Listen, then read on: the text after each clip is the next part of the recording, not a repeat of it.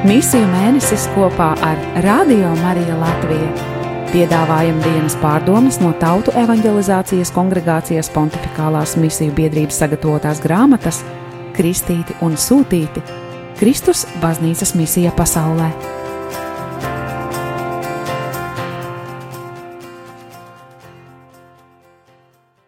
10. oktobris, 4. Parastā liturģiskā laika 27. nedēļa. Šodien evaņģēlija, Lūkas evaņģēlija 11. nodaļa no 5. līdz 13. pantam centrā ir draudzības tēma. Evaņģēlija ir bagāti ar piemēriem, kā Jēzus draudzībā uzrunā citus cilvēkus. Svētais Lūka parāda līdzjūtīgu Jēzu, kurš tuvojas spitālīgajiem, paralizētajiem grēciniekiem, nodokļu iekasētājiem, centurioniem, atraitnēm, dēmonu apsēstajiem, epileptiķiem.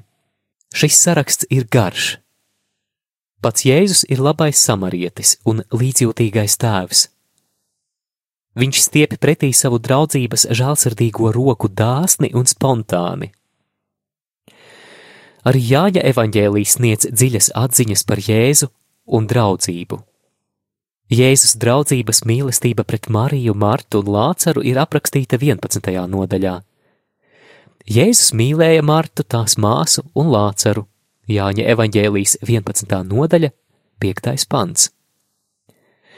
Kad Jēzus tiek informēts par Lācara nāvi, viņš saka: Lācars mūsu draugs ir iemidzis. 11. nodaļas 11. pants. Un vēlāk, kad Jēzus raud par sava drauga nāvi, jūdi sacīja: redzi, kā viņš to mīlēja. 36. pants. Pēdējo vakariņu laikā, dodot mums mīlestības bausli mīlēt vienam otru, Jēzus saka: Nevienam nav lielākas mīlestības par to, ja kāds savu dzīvību atdod par saviem draugiem. Jūs esat mani draugi, ja jūs darāt, ko es jums pavēlu. Es jūs vairs nesaucu par kalpiem, jo to, ko dara kungs, viņa kalps nezina. Es jūs saucu par draugiem, jo es jums esmu darījis zināmu visu, ko dzirdēju no tēva. Ne jūs izraudzījāt mani, bet es jūs izraudzīju. Jāņa evaņģēlija 15. nodaļa, no 13. līdz 16. pantam. Jēzus parāda savas draudzības mīlestības dziļumu mirstot par mums pie krusta. Kā atzīmē svētais Pāvils, Dievs savu mīlestību uz mums parāda ar to, ka Kristus par mums nomiris, kad mēs vēl bijām grēcinieki. Romiešiem 5. nodaļa, 8. pants. Ik viens ir aicināts piedzīvot, ka Jēzus ir draugs.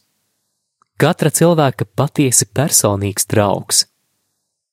Draudzība ar Kristu nozīmē pieaugošu tuvību ar mācītāju, kā arī dzīvi Kristū. Šāda dziļa draudzības dimensija atdzīvina mūsos svēto garu.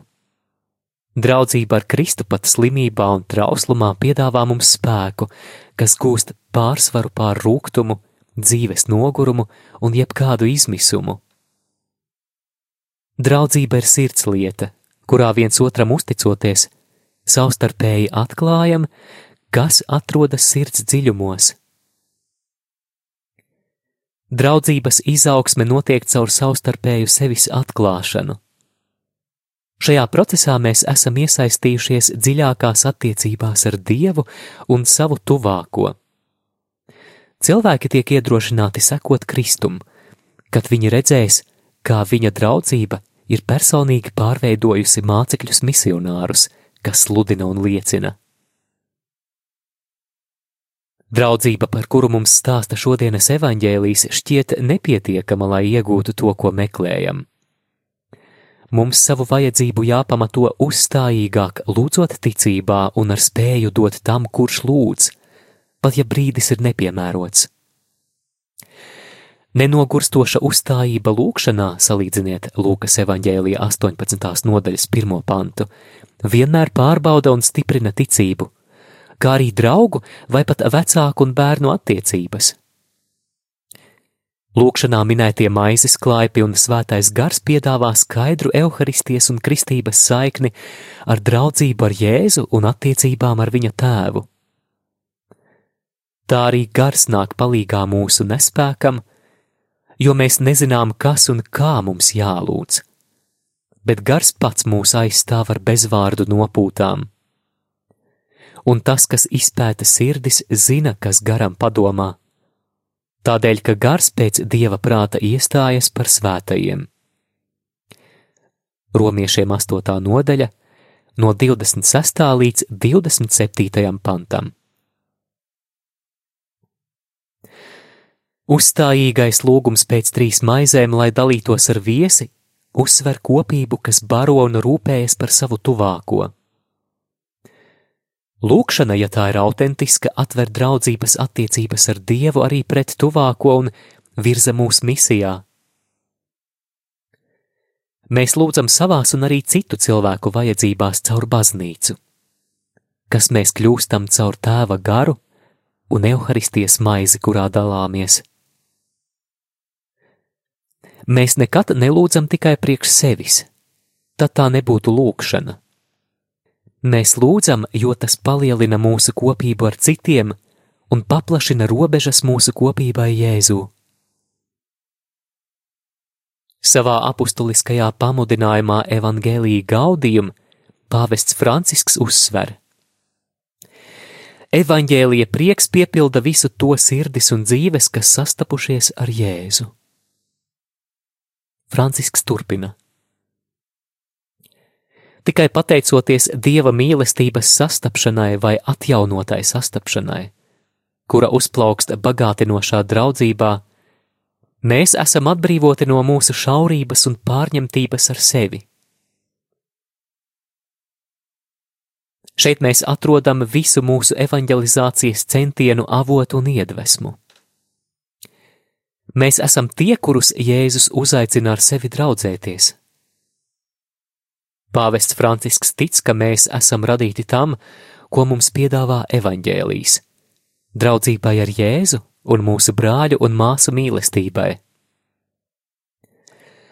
Mūsu misionāro ticību jāuztur mūsu pašu pastāvīgi atjaunotai pieredzēji, baudot Kristus draudzību un viņa vēsti. Pāvests Francisks bieži izmanto vienkāršu un noderīgu misijas skaidrojumu. Misija vienlaikus ir aizraušanās ar Jēzu un aizraušanās ar viņa cilvēkiem. Evangēlīja gaudījuma 268. paragrāfs. Tas nozīmē, ka katrs misionārs, kurš piedzīvo dziļu tikšanos ar Jēzu un personisku draudzību, vēlēsies dalīties ar citiem šīs satikšanās augļos. Sākot no personīgas tikšanās ar Dievu, mēs vēlamies draudzēties ar citiem – daloties viņu draudzībā ar kungu Jēzu.